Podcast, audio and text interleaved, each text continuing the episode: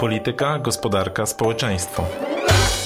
Szukamy różnych punktów widzenia i odrzucamy proste tezy. Rozmawiamy z ciekawymi gośćmi. Analizujemy sprawę z jednej, ale też z, z drugiej strony. Tomasz Żółciak. Grzegorz Osiecki, a dzisiaj naszym gościem jest prezes Polskiego Funduszu Rozwoju, pan Paweł Borys. Dzień dobry, panie prezesie. Dzień dobry. Panie prezesie, chcielibyśmy na początek porozmawiać o sytuacji gospodarczej. W jakim miejscu się znajdujemy? Czy biorąc pod uwagę to, co się dzieje, e, na jakim etapie jesteśmy, może pan z całym przekonaniem powiedzieć, że najgorsze już za nami? No jesteśmy już na pasie takiego miękkiego lądowania gospodarki. To jest była główny, główne założenia strategii e, w ostatnich kwartałach, aby po tej serii szoków wywołanych pandemią, kryzysem energetycznym, wojną na Ukrainie, nie doprowadzić do głębszej recesji w Polsce, tylko mm, starać się ochronić rynek pracy, e, doprowadzić do takiej równowagi chociażby w handlu, e, w wymianie handlowej, obniżyć inflację, ale właśnie bez e, wywoływania spadku, głębokiego spadku aktywności gospodarczej. No i patrząc na aktualne dane z gospodarki, rzeczywiście no, dezinflacja jest już wyraźna, bo inflacja spadła o 7 punktów procentowych od swojego szczytu w lutym, a cały czas udaje nam się uniknąć e, spadku PKB, e, który no, można by nazwać recesją. No dobrze, a jeżeli chodzi o to, mówi pan, że wychodzimy jakby na, na, prostą trochę. E, a co wynika z tego stanu, który mieliśmy jeszcze przed chwilą, czy raczej no, powiedzmy z tego trzyletniego kryzysu, którego z drobną przerwą e, byliśmy świadkami? Jakie procesy zostały uruchomione i co w tej chwili e, widać? Znaczy, o, ostatnie trzy lata w gospodarce no to jest takie wypchnięcie jej ze, ze, ze ścieżki dosyć jednak stabilnego wzrostu. E, przypomnę, że przed 2020 roku no, polska gospodarka przez kilka lat rozwijała się w tempie średnio ponad 4%. To było dwukrotnie szybciej niż na przykład gospodarka, gospodarka strefy euro. Mieliśmy e, co roku niską inflację. Praktycznie Polacy zapomnieli o co to jest y, inflacja.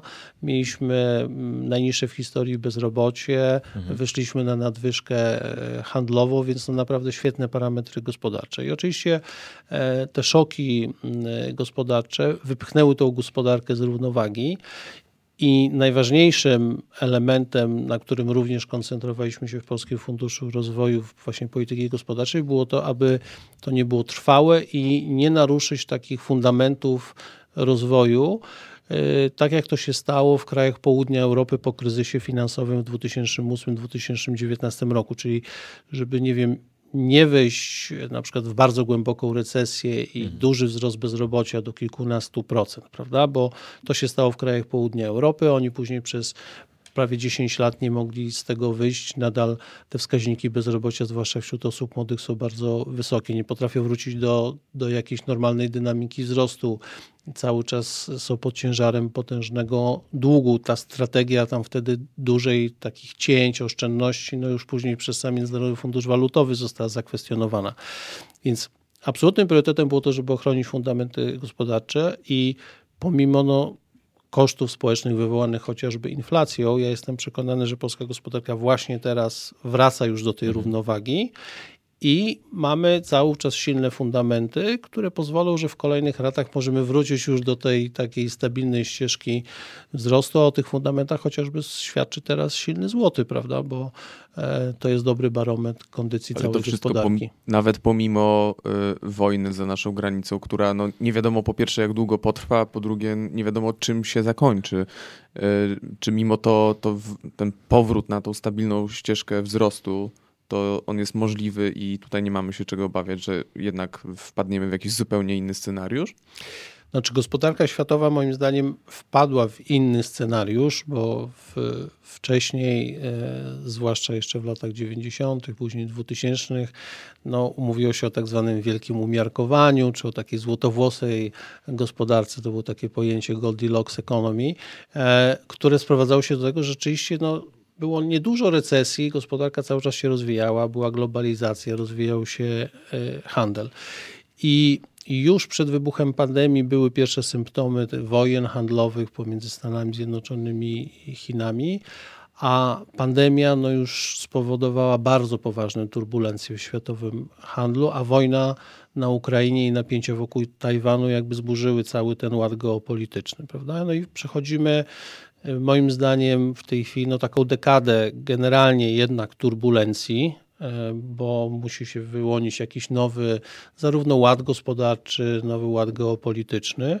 Te tarcia ewidentnie są, no z jednej strony mamy sojuszników NATO, Unię Europejską, Stany Zjednoczone, z drugiej strony Chiny, Rosja próbują budować blok krajów BRICS, prawda? No, jeszcze nie wiemy, jak to się zakończy.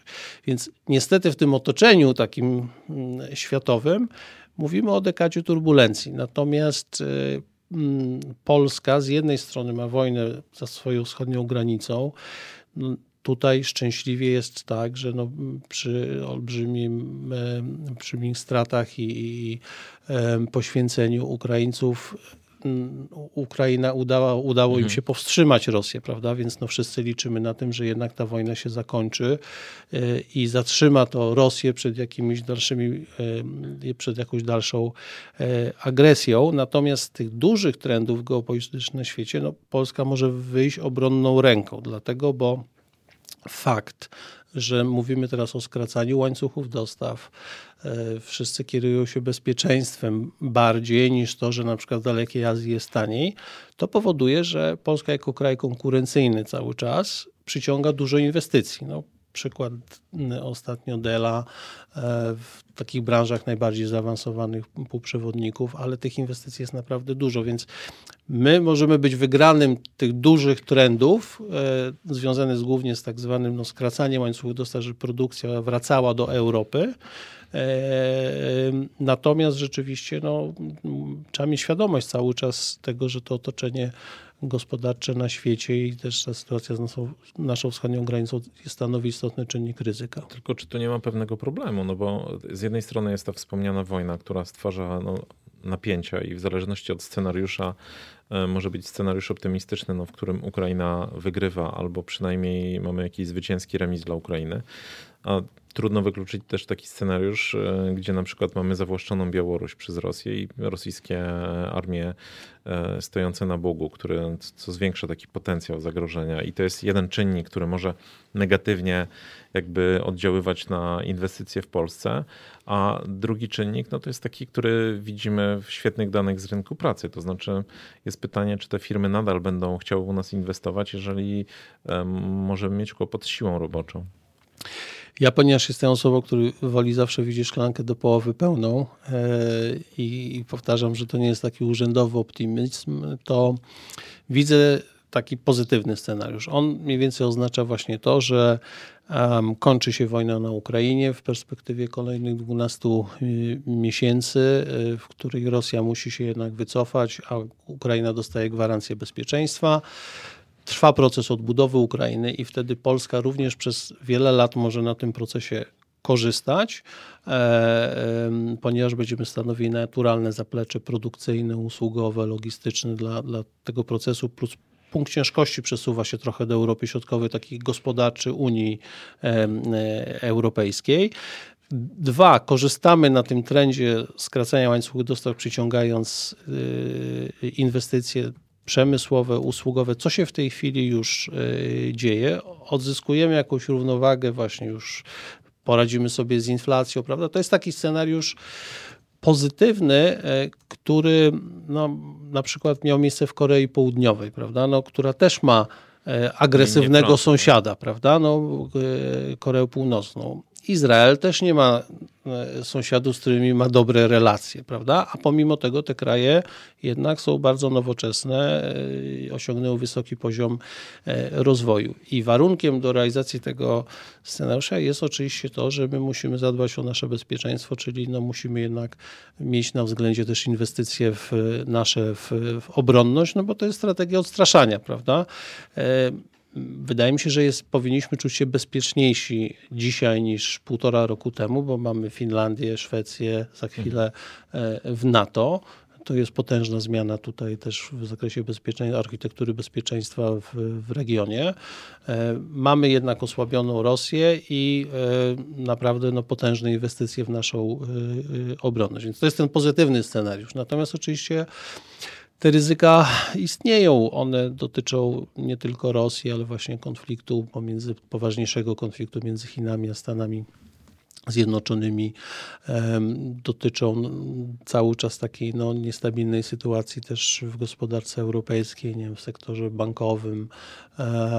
Są różnego typu e, e, napięcia, więc no, trzeba na to, e, trzeba mieć to też na, na uwadze, ale ja uważam, że jak dobrze to rozegramy, mhm. to Polska w tej dekadzie, jak sobie tak spojrzymy na koniec tej dekady, jak dobrze to rozegramy, możemy być wygranym tych obecnych turbulencji gospodarczych bo, e, i politycznych, i, i, A, znaczy, ponie, ponieważ y, widać, że my w trakcie kryzysu też sporo nadrabiamy tych zaległości do wyżej rozwiniętych krajów świata, bo głównie Europy Zachodniej, bo tam niestety jeszcze te problemy są poważniejsze. Ale y, to, to oznacza, że zmieni się jakoś na przykład, nie wiem, taka europejska architektura gospodarcza? ona już się zmienia bardzo szybko, prawda, bo y, widzimy to na, na polu chociażby energetyki, prawda? No, te dos kierunki dostaw y, surowców energetycznych zmieniły się w ciągu roku. Oczywiście kosztowało to nas dużą inflacją, nerwami ostatniej zimy, ale w tej chwili mamy ceny gazu na poziomie z 2019 roku i nadwyżki, nadpodaż gazu LNG na rynkach y, światowych, prawda? Podobnie wygląda sytuacja na rynku węgla, ropy, no tam mamy kartę OPEC, który trochę reaguje na to, żeby ta cena nie spadła zbyt mocno, ale e, Europa staje się w sumie w tej chwili takim regionem już uniezależnionym od Rosji energetycznie. Zwracam uwagę na takie duże zmiany, jak na przykład porozumienie pomiędzy Holandią, Włochami dotyczące mm, współpracy energetycznej. Włochy chcą się spozycjonować jako taki hub e, nabywania surowców, głównie gazu e, z Afryki, ale też Holandia e, z dobrą infrastrukturą portową, chociażby ze Stanów Zjednoczonych. My musimy też tę infrastrukturę inwestować. E, e, Baltic Pipe też nas uniezależnił energetycznie, a jakbyśmy zbudowali jeszcze jeden czy dwa terminale pływające w Gdańsku e, LNG, to Polska z importera netto gazu może stać się też regionalnym hubem gazowym, eksportując go do Słowacji, do Czech, więc potężne zmiany się jakby dzieją w, w tej chwili rzeczywiście w, w, w, europejskiej e, gospodarce. Sporo właśnie jest przyciągania tych inwestycji, które kiedyś trafiały do Dalekiego Wschodu, ale żeby na Daleki Wschód, ale żeby Europa e, nie przegrała de facto w tej chwili z dwoma dominującymi blokami, czyli Chinami i Stanami, gdzie też trochę Indie próbują gonić, E, to musi zacząć więcej inwestować w technologię, bo niestety ten wyścig technologiczny Europa przegrywa. Ale to chyba, nie wiem, była kiedyś strategia lizbońska, znaczy było mnóstwo takich... E, no, zakończyła się katastrofą, tak no, mówiąc no to, jakby wprost. To, to może Europa ma strukturalne jakieś problemy z tym. No jest pytanie też, czy, czy naszą z kolei kulą nogi nie, nie, są kwestie transformacji energetycznej? Ile to nas będzie kosztowało w kolejnych latach? Widzimy, że w tej chwili bardzo burzliwie rosło OZE, został wzrost przyhamowany, no bo okazuje się, że mamy kłopoty z sieciami dystrybucyjnymi, które są kompletnie niegotowe na taką ilość. Europa rzeczywiście ma ten problem e, wynikający z, moim zdaniem z dwóch przyczyn. Sporo biurokracji, która zniechęca do prowadzenia biznesu, skomplikowany ja, system prawny. które mają pomagać, tak? No, mają no ale właśnie to się nie udało, prawda? Czyli cały czas gnieździmy biurokracji. Nie opłaca się brać ryzyka, bo ten system prawny też nawet w przypadku jakichś problemów, upadłości, no nie jest najlepszy. E, a drugi to jest system finansowy. No jednak Stany Zjednoczone, Wielka Brytania, tam gdzie tych technologii powstaje najwięcej, oparte są bardziej na rynku kapitałowym, który w Europie jest słabiej rozwinięty ta gospodarka była głównie budowana wokół takich lokomotyw dużych przemysłowych, w których powstawały innowacje, a właśnie finansowanych przez banki. Taki model japoński, prawda, właśnie niemiecki, e, e, trochę, trochę koreański. I jak tak długo, jak tego nie zmienimy, dlatego ja często o tym mówię, że w polskim systemie finansowym potrzebujemy silnego rynku kapitałowego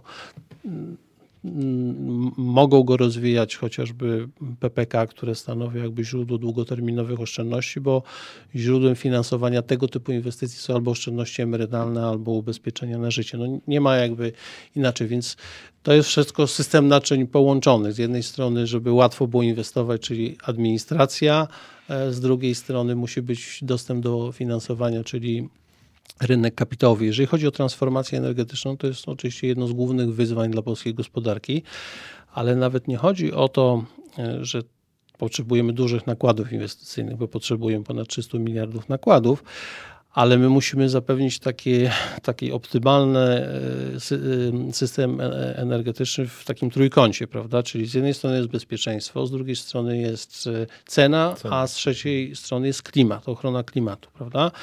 I żaden z tych y, y, y, elementów tego trójkąta no, no, nie może mieć jakby wyraźnej przewagi, czy zdominować, bo możemy postawić super na klimat i na bezpieczeństwo, ale mieć tak wysokie ceny, że po prostu pozbędziemy się pewnych gałęzi przemysłu i zaszkodzimy gospodarce, prawda? No, nie może być tylko cena, ale kosztem bezpieczeństwa, więc no, też trzeba tym procesem za, zarządzać mądrze. Osiągnęliśmy olbrzymi sukces, jeżeli chodzi o inwestycje fotowoltaiczne. Mm, e, e, jesteśmy jednym z teraz trzech liderów w Unii Europejskiej. Padliśmy wręcz ofiarą chyba trochę tego sukcesu, no, nie bo nadążają inwestycje w prosumenci sieci. nie są tak. w stanie tak, sprzedać tak. tej energii, która jest przez nich produkowana. Znaczy polskie sieci nie są w stanie tego obsłużyć. Tak, to jest wyzwanie, dlatego że rzeczywiście firmy energetyczne muszą przyspieszyć inwestycje e, w sieci ale program Mój Prąd czy Moje Ciepło naprawdę są programami, z których teraz wiele krajów stara się jakby czerpać i, i na nich y, wzorować. Natomiast to właśnie pokazuje, że jeżeli, y, to tak jak kiedyś w Chinach było, w Chinach postanowiono, że każde gospodarstwo domowe ma mieć lodówkę, prawda? No tylko właśnie zapomnieli, że później ją trzeba do czegoś podłączyć. To jest taki klasyczny przykład, prawda? Więc y, nie możemy w jednym miejscu tylko robić jednej rzeczy, bo wyjdą nam problemy w innych, więc absolutnie trzeba trzeba inwestować w sieci elektroenergetyczne, trzeba zapewnić e, e, inne stabilną, e, stabilne źródło, taką bazę systemu energetycznego, którym będzie atom. I, i akurat i zarówno technologie tych małych reaktorów SMR, jak i dwie duże elektrownie atomowe da, dałyby nam w Polsce z jednej strony właśnie to bezpieczeństwo, a z drugiej ochronę klimatu, ale dałby nam też niską cenę, prawda? Więc ten miks energetyczny jeszcze powiązany z farmami wiatrowymi na Bałtyku, Polska za 10-15 lat może mieć dobry, ale musimy bardzo szybko tutaj inwestować, dlatego bo stracimy tą szansę, o której mówiłem, przyciągnięcia dużych inwestycji, które wracają do Europy z innych części świata, ale te inwestycje wymagają zielonych źródeł e, energii. Jeżeli tego nie zapewnimy, te inwestycje pójdą do innych krajów. A czy ten plan, który e, pan zarysował dotyczący energetyki, on jest wykonalny bez e, pieniędzy z Krajowego Planu Odbudowy? One może przyjdą, ale przyjdą już w takim momencie, że no jako Polski Fundusz Rozwoju, tak, dostaliśmy zadanie, aby prefinansować te inwestycje właśnie po to, żeby no, być w stanie zaabsorbować te środki, więc no, już od kilku miesięcy te inwestycje startują w tej chwili. Przeznaczyliśmy już ponad 3 miliardy złotych, ale dużo projektów jest na etapie właśnie przetargów. A w całym tym roku w ramach tego prefinansowania 11-12 miliardów złotych, tak? Jeżeli dobrze pamiętam, chcecie w ten sposób. Tak, widzimy jakby z, z potrzeb, więc y, Krajowy Plan Odbudowy jest atrakcyjnym dla nas finansowo źródłem finansowania ważnych inwestycji w obszarze transformacji energetycznej, infrastruktury czy cyfryzacji, więc warto go uruchomić. Natomiast no, uspokajam, że mm, już jako PFR te projekty inwestycyjne realizujemy, bo ja podchodzę do tego na takiej zasadzie, że są inwestycje, które po prostu warto zrealizować, czy ze źródeł europejskich, czy, czy krajowych. Natomiast no, Polska powinna uruchamiać jak najwięcej tych źródeł finansowania, bo potrzeby rzeczywiście inwestycyjne są y, potężne, bo jak sobie sumujemy elektrownie atomowe, e, centralny, y, y, centralny port komunikacyjny, e, który ja akurat uważam jest bardzo ważnym dla polskiej gospodarki projektem farmy wiatrowe na Bałtyku e, i właśnie do tego dodamy wszystkie inne potrzeby infrastrukturalne, no to robią się potężne kwoty, prawda? Mhm. Więc yy, tych środków warto mobilizować jak najwięcej z różnych źródeł. A to jeszcze w wątku tego prefinansowania KPO, yy, bo rozumiem, że na razie radzicie sobie tymi pieniędzmi, które pochodzą ze zwrotów starczy finansowej. Tak, no mamy wolnych środków 15 miliardów, więc rząd powiedział, no te pieniądze leżą na rachunkach, więc no Lepiej, wykorzystajmy je, ponieważ tutaj mamy opóźnienie. A w którym momencie e, będziecie musieli podjąć decyzję, co dalej? To znaczy, e, może się okazać, że już wyczerpaliście te pule i trzeba się zastanowić może nad wyemitowaniem obligacji. No, nic nie wskazuje na to, żeby to e, było wcześniej niż nie wiem, w połowie przyszłego roku, a do tego czasu ja liczę na to, że te pieniądze jednak z KPO do Polski trafią, więc w tej chwili ryzyko tego, że musielibyśmy emitować obligacje, jednak oceniam je na, e, na niskie. Więc e, natomiast no, rzeczywiście inwestycje to jest ten moment i czas, prawda? Trzeba je przyspieszyć, były trzy lata takiej turbulencji, no, gdzie ciężko, były trochę inne priorytety, prawda? I to też to otoczenie było niestabilne. E, ale w, w tej chwili właśnie to inwestycje, eksport ciągną jeszcze gospodarkę przy słabszej e, konsumpcji, tylko że one nie powinny rosnąć 3-4%, tak jak w tej chwili, tylko najlepiej jakby rosły kilkanaście procent. I to jest możliwe na przestrzeni najbliższych 3-5 lat. A ja chciałem trochę zmienić temat i zapytać o kwestię już wcześniej zagajoną, to znaczy o nasz rynek pracy, no bo widzimy, stopa bezrobocia jest bardzo niska, stopa aktywności zawodowej bardzo wysoka, jakby to są wszystko rekordowe czynniki. Z drugiej strony otworzyła się nam dyskusja polityczna o migracji. PiS zaproponował referendum, Platforma weszła jakby w temat, y, krytykując to, ile zostało wpuszczonych czy, czy podkreślają, że z jednej strony PiS krytykuje migrację, czy, a z drugiej strony wpuszcza dużo imigrantów. Czy pana nie niepokoi to z punktu widzenia jakby rynku pracy i takiej luki, która jest na rynku pracy, a którą ciężko będzie zasypać bez migracji? Tak, no rzeczywiście mamy taką strukturalną zmianę na rynku pracy w ostatnich latach z rynku pracodawcy na rynek pracownika. Cały czas uważam, że jest potencjał do poprawy jakby środowiska pracy po stronie pracodawców, na to wskazują różne badania e, międzynarodowe, chociaż no tu już mamy pewną poprawę, bo akurat no, ta płaca minimalna chociażby, no, ona była kilka lat temu na zbyt niskim poziomie, no teraz, teraz doszła zbyt wysoka? Doszła do takiego moim zdaniem optymalnego y, poziomu. Więc mamy znaczącą poprawę rzeczywiście na rynku pracy. Cieszy tak aktyw, wzrost aktywności zawodowej. Gospodarka w ciągu 6 lat y, stworzyła ponad milion dodatkowych miejsc y, pracy. To jest bardzo jakby pozytywne. Doszliśmy do ponad 17 milionów osób pracujących aktywnych zawodowo e, e, w Polsce. Ale jak popatrzymy od dzisiaj do 2050, no to szacuje się blisko 3 miliony Y, osób zniknie z rynku pracy. W związku z tym, że społeczeństwo się starzeje, przejdą na emeryturę, co też będzie wywołało pewne napięcia w systemie emerytalnym, bo trzeba będzie finansować wyższe emerytury, chociaż ta zmiana w 2020 roku, przejście na system zdefiniowanej składki powoduje, że to raczej się odbędzie w taki sposób, że emerytury będą niskie, a ja system sobie Właśnie jakoś niestety, poradzi, tak? prawda? Natomiast rąk do pracy będzie e, coraz mniej.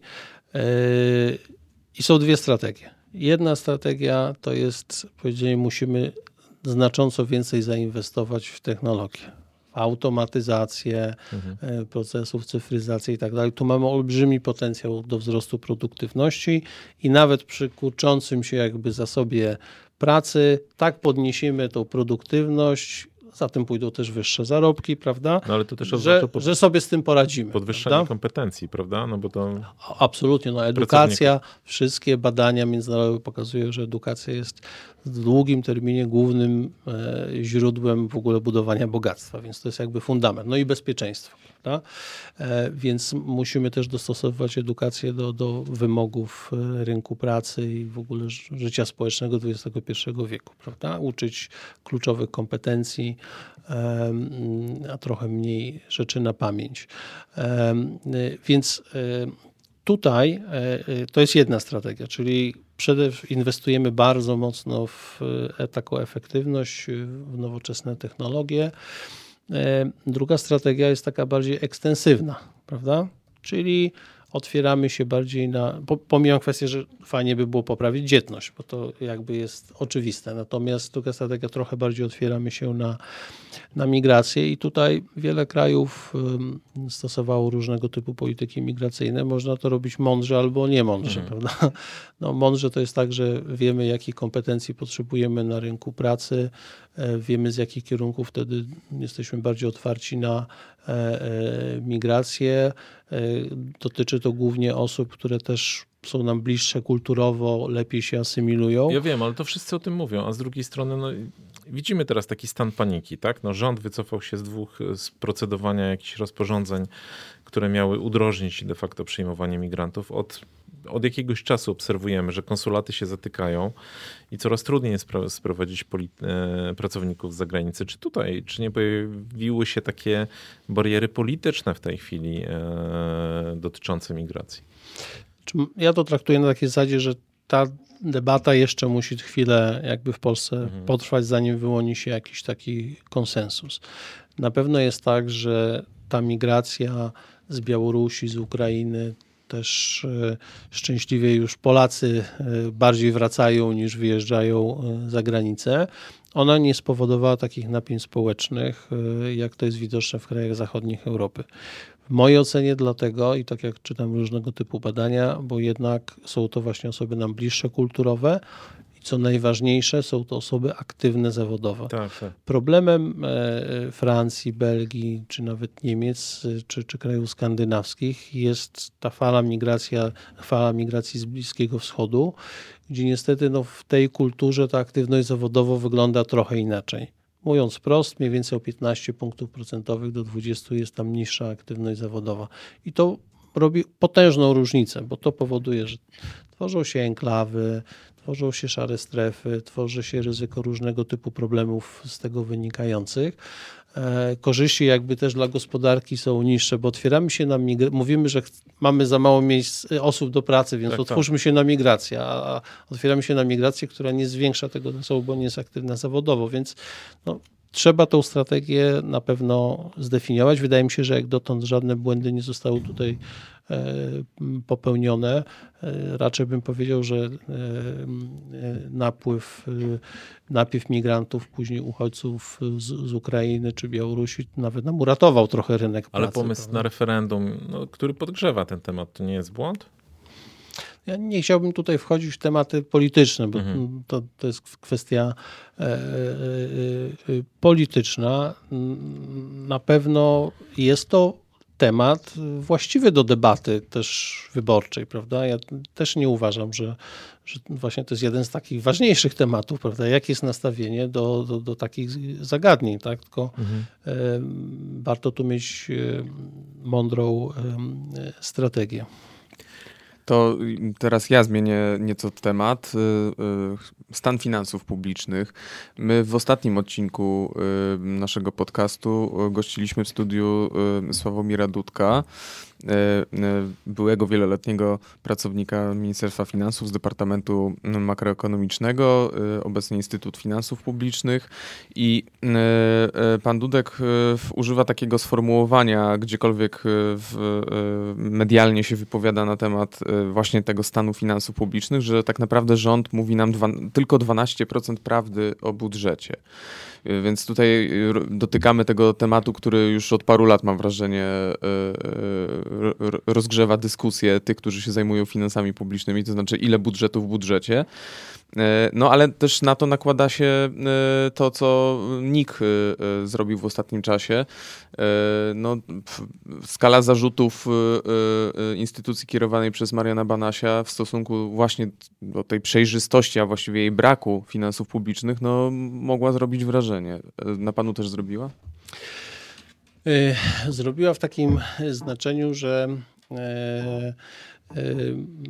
widzę, że dużo pracy trzeba włożyć, żeby odkłamać y, pewne rzeczy, które się są, pojawiają w przestrzeni y, y, publicznej, bo uważam, że jest w tym sporo takiej dezinformacji. Znaczy, jeżeli by słuchać tych niektórych rad, rekomendacji i ocen, to zrealizowałby się ten scenariusz, o którym mówiliśmy na początku. Głębokie, nie byłoby miękkiego lądowania w Polsce, tylko byłoby twarde lądowanie, bo jak słucham o tym, że nie wiem, tarcze finansowe powinny realizować urzędy skarbowe z budżetu państwa, e, no to Cezary Kazimierczak dobrze powiedział, to może właśnie teraz byśmy rozpoczynali pierwsze wypłaty, prawda? Mhm. To nie jest zarzut jakby do urzędów skarbowych, tylko e, my mieliśmy 6 tygodni na to, żeby zbudować cały system zintegrowany notabene z e, Krajową Administracją Skarbową, z USO 17 bankami. W 6 tygodni rozpoczęliśmy wypłaty pomocy w czasie, kiedy wszystkie przedsiębiorstwa z różnych branż były zamknięte, ale dzięki temu, że ta pomoc trafiała szybko, koszty społeczne były znacznie mniejsze, bo chroniliśmy ponad 3 miliony miejsc pracy i 350 tysięcy firm, prawda? I czy dla Polaków jest kluczowe, że to PFR wyemitował obligacje NATO, czy kluczowe jest to, że ta pomoc trafiła szybko, prawda? Nikt nigdy nie ukrywał żadnego długu z tym związanego, bo tu jest taki właśnie taka teza, że ktoś coś ukrywał. Ja przepraszam bardzo, w marcu 2020 roku e, premier Morawiecki zaprezentował tarczę antykryzysową i powiedział o 200 miliardach Wtedy, pamiętam jeszcze były głosy, że za mało e, e, wie, wielu. Powiedział, że będzie w tym brał udział Bank Gospodarstwa Krajowego, PFR. Nikt tego nie krytykował. To nie jest tak, że mamy tylko ustawę o finansach publicznych, bo kolejny argument, że to właśnie obchodzenie, bo ustawa o finansach publicznych, budżet państwa. Są też inne ustawy. W czasie pandemii były podejmowane, były, parlament przyjmował ustawy antykowidowe, prawda? Była znowelizowana ustawa o systemie instytucji rozwoju. Wszystko to przechodziło przez parlament. Wszyscy wiedzieliśmy, że te działania antykryzysowe w dużej mierze bierze jakby ten ciężar na siebie BGK i e, PFR. Czy to powinna być norma? Nie, to nie powinna być norma. E, e, te działania mogły trwać rok. PFR od 2021 roku nie prowadzi dodatkowych, jakby, dodatkowych finansowań. No później niestety zdarzył się kryzys energetyczny i wojna, więc e, to spowodowało, że BGK finansował chociażby te, nie wiem, fundusz pomocowy, dodatki węglowe, prawda, działania z tym związane. Więc ja absolutnie nie zgadzam się z, z tymi tezami.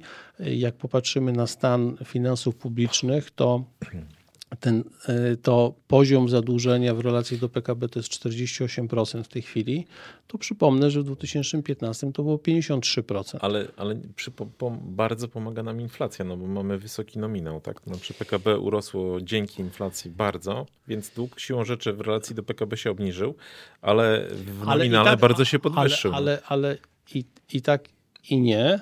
To znaczy rząd dużo tej tak zwanej premii inflacyjnej oddał poprzez obniżki podatku w ramach tarczy inflacyjnej, obniżając VAT. Jak popatrzymy sobie... Dzięki czemu z kolei mamy wysoki deficyt. No, dwa lata z rzędu możemy mieć deficyt w okolicach 4-5% ale właśnie, ale, ale on to oddał, czyli bo, bo premia inflacyjna polegała na tym, że rosną ceny, więc są wyższe przychody z VAT-u. Prawda? Tak działa mechanizm, tak działa y, inflacja, bądź trochę większe z PIT-u, bo też są nominalne wyższe wynagrodzenia ale rząd obniżając y, podatki mhm. pozbył się tej premii inflacyjnej. Natomiast prawda w tym znaczeniu rzeczywiście wzrost PKB, wzrost gospodarczy nominalny był w tym okresie tym bardzo duży, tylko właśnie mówię o tym, to jest lepsza strategia radzenia sobie z takimi problemami niż y, ta recepta za aplikowana po, krajom południa Europy ponad 10 lat temu, bo wtedy tam wszyscy mówili o tym austerity, oszczędzaniu, prawda? I to już Międzynarodowy Fundusz Walutowy się z tego to może, e, wycofał. To może, panie prezesie, jakby lekarstwem powinno być z jednej strony no, wyjście ze stanu nadzwyczajnego, co jakoś tam się pewnie powoli dzieje, ale bardzo powoli, bo cały czas czekamy na ustawę o konsolidacji finansów, a z drugiej strony może wprowadzenie takich mechanizmów jakby do prawa, które w przypadku powtórzenia tego typu wydarzeń pozwolą na to, żeby nie tworzyć jakichś nadzwyczajnych instrumentów, tak. tylko żeby faktycznie a, reagować a, a, jakby... Absolutnie się z tym zgadzam, więc mam pytanie do Sławomira Dudka, który no, zarządzał ważnym departamentem w Ministerstwie Finansów. Jego szefem przez wiele lat był premier Morawiecki e, i, i wtedy nie, nie wprowadził żadnych rozwiązań systemowych, które mogłyby pomóc e, zarządzać taką sytuacją. Co więcej powiem, e, ponieważ e, Sławomir Dudek uczestniczył w konstruowaniu stabilizującej reguły wydatkowej, jak zdarzyły się te zdarzenia, to właśnie mechanizm reguły wydatkowej nie był do tego w ogóle przygotowany, do takich wahań w koniunkturze, recesji i nie było innego wyjścia, jak po prostu zawiesić takie przepisy. E, więc no, mam proste pytanie, co zrobił Sławomir Dudek wcześniej przez 10 lat, aby przygotować narzędzia systemowe po doświadczeniach kryzysu w 2009 roku, bo te doświadczenia były. I została z niego jedna ustawa o ochronie rynku pracy, którą jak przejrzeliśmy, tam był taki mechanizm, że jak przez 3 miesiące e, przychody spadną o 25%, to można wypłacać postojowe które okazały się kompletnie nieadekwatne, prawda? Więc y, naprawdę bym nie stawiał zarzutu, że y, nie było właściwych mechanizmów prawnych przygotowanych, polegającego na tym, że szybko musieliśmy je tworzyć. Działając niestandardowo, zgadzam się, ale przejściowo. Przecież ten dług, który powstał poza budżetem 300 miliardów złotych, on w ciągu 3 do 5 lat praktycznie cały zostanie spłacony i znowu wrócimy do, do tego mechanizmu, ponieważ on był z gwarancjami Skarbu Państwa, e, oparty o mechanizmie funduszu drogowego, który powstał kilkanaście lat temu. No jeszcze... W czasach, znaczy, bo to Sławek Dudek stworzył ten mechanizm nie, to nie finansowania Dudek, poza trzeba, trzeba go wziąć w obranę. E, ten, ten fundusz jeszcze istniał jeszcze, jeszcze wcześniej.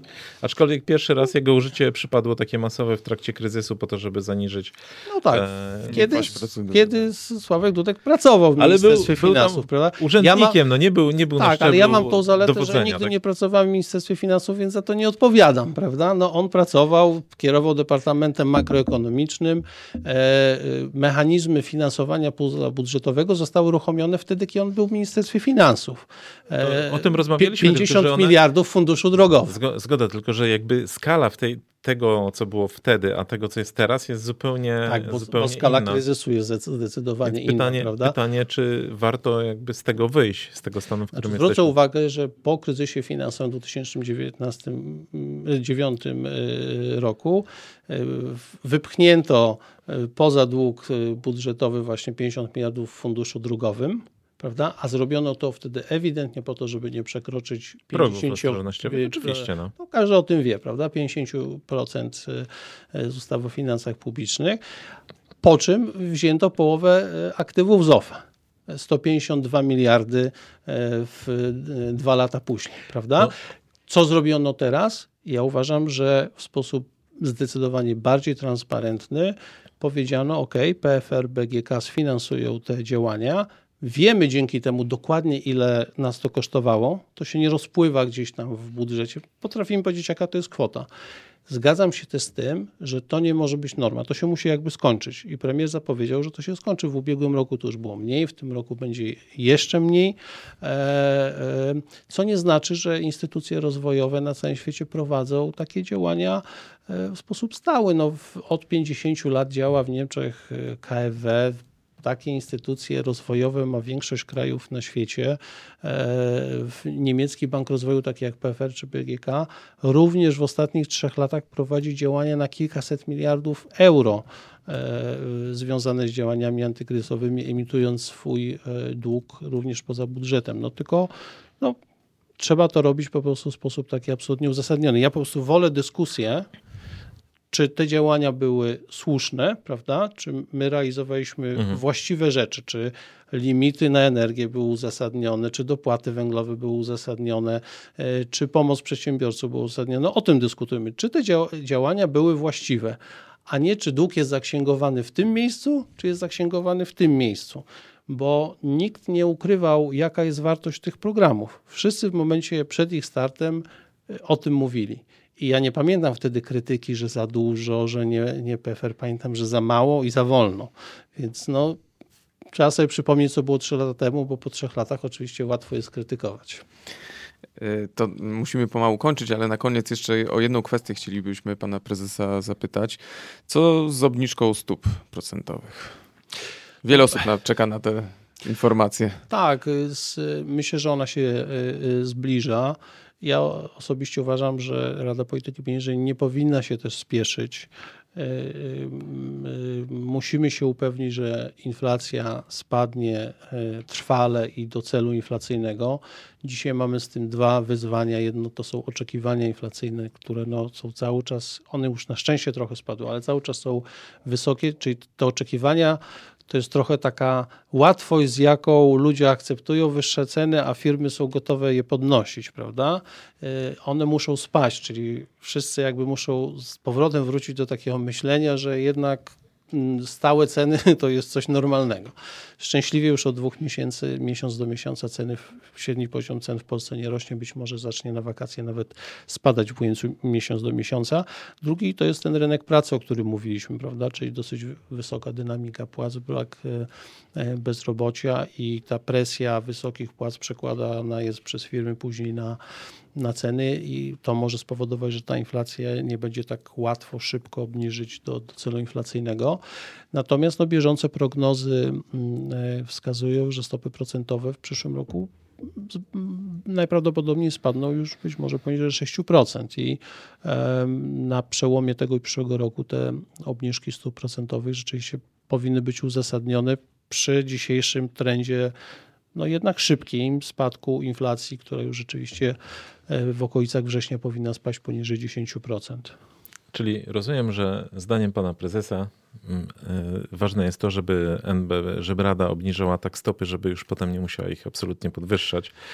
Tak, e, ważna jest też komunikacja. Znaczy, trzeba pokazywać wszyscy uczestnicy tej polityki gospodarczej determinację w obniżeniu inflacji, ponieważ mówi się, że walka z inflacją w 80% to jest psychologia. I trochę tak jest, czyli właśnie to jest oddziaływanie na te oczekiwania. Dziękujemy bardzo. Naszym gościem był e, dzisiaj prezes Polskiego Funduszu Rozwoju, pan Paweł Borys. Dziękujemy. Dziękuję bardzo, do widzenia. I zapraszamy na część drugą.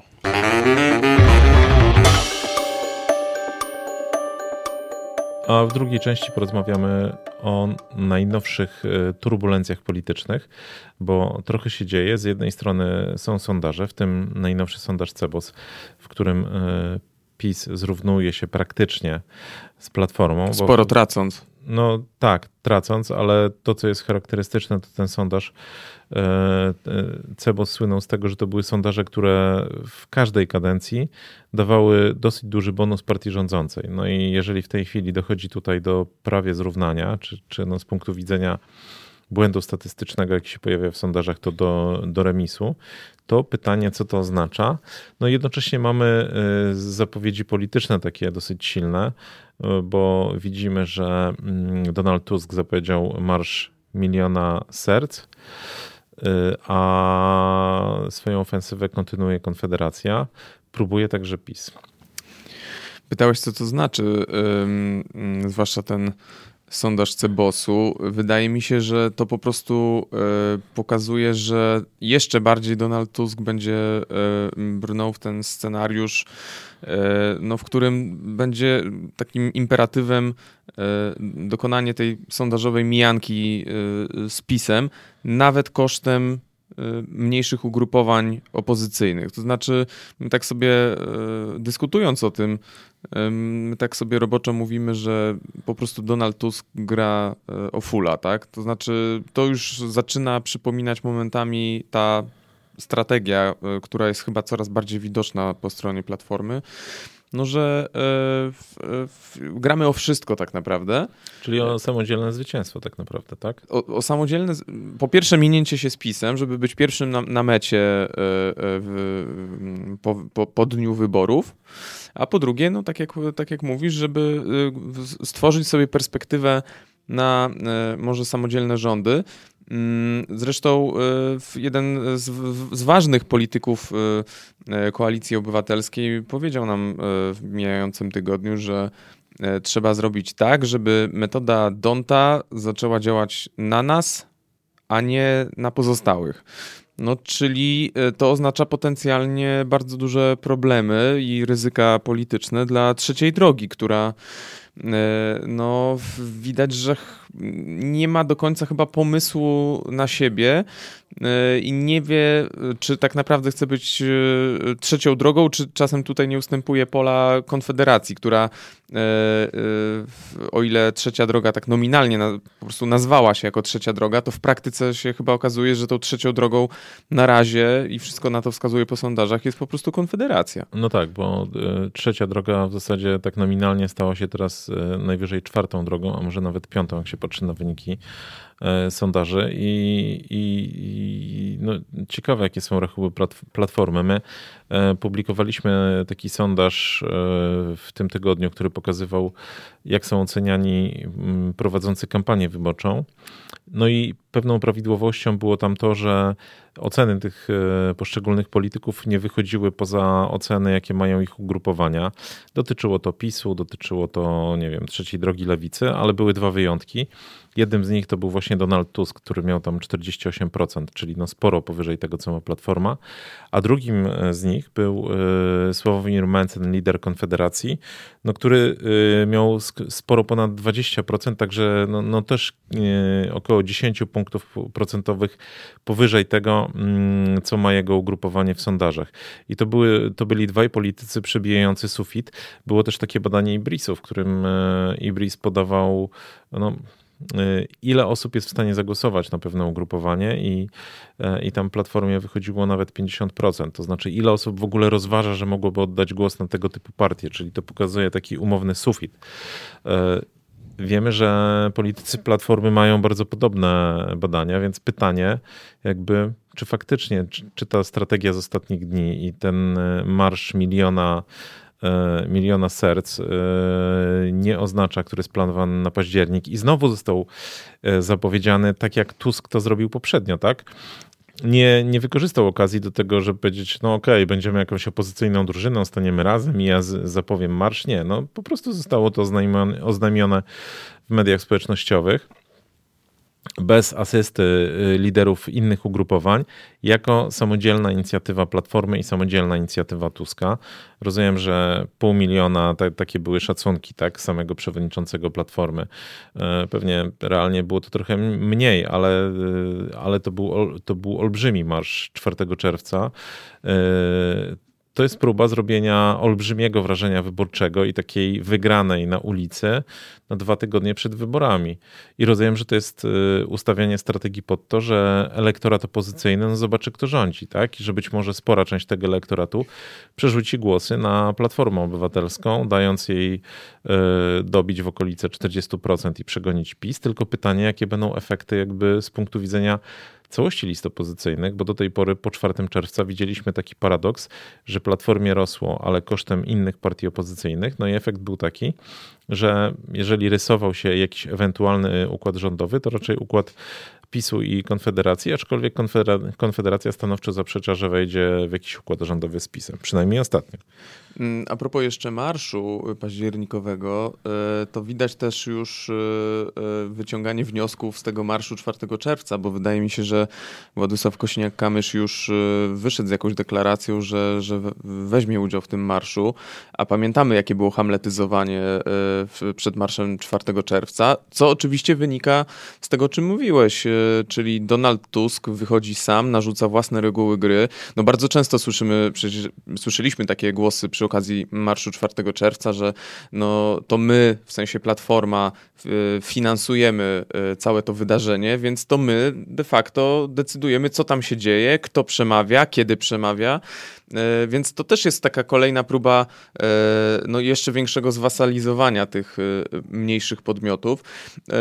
Trzeba jednak pamiętać, że w przypadku marszu 4 czerwca PiS bardzo mocno zapracował na, na te frekwencje, no bo przecież wtedy był szczyt awantury o komisję, która miała badać wpływy rosyjskie na polską politykę, medialnie ochrzczona jako Lex Tusk. I to był bardzo silny czynnik mobilizujący. No, y, do października jeszcze trochę zostało.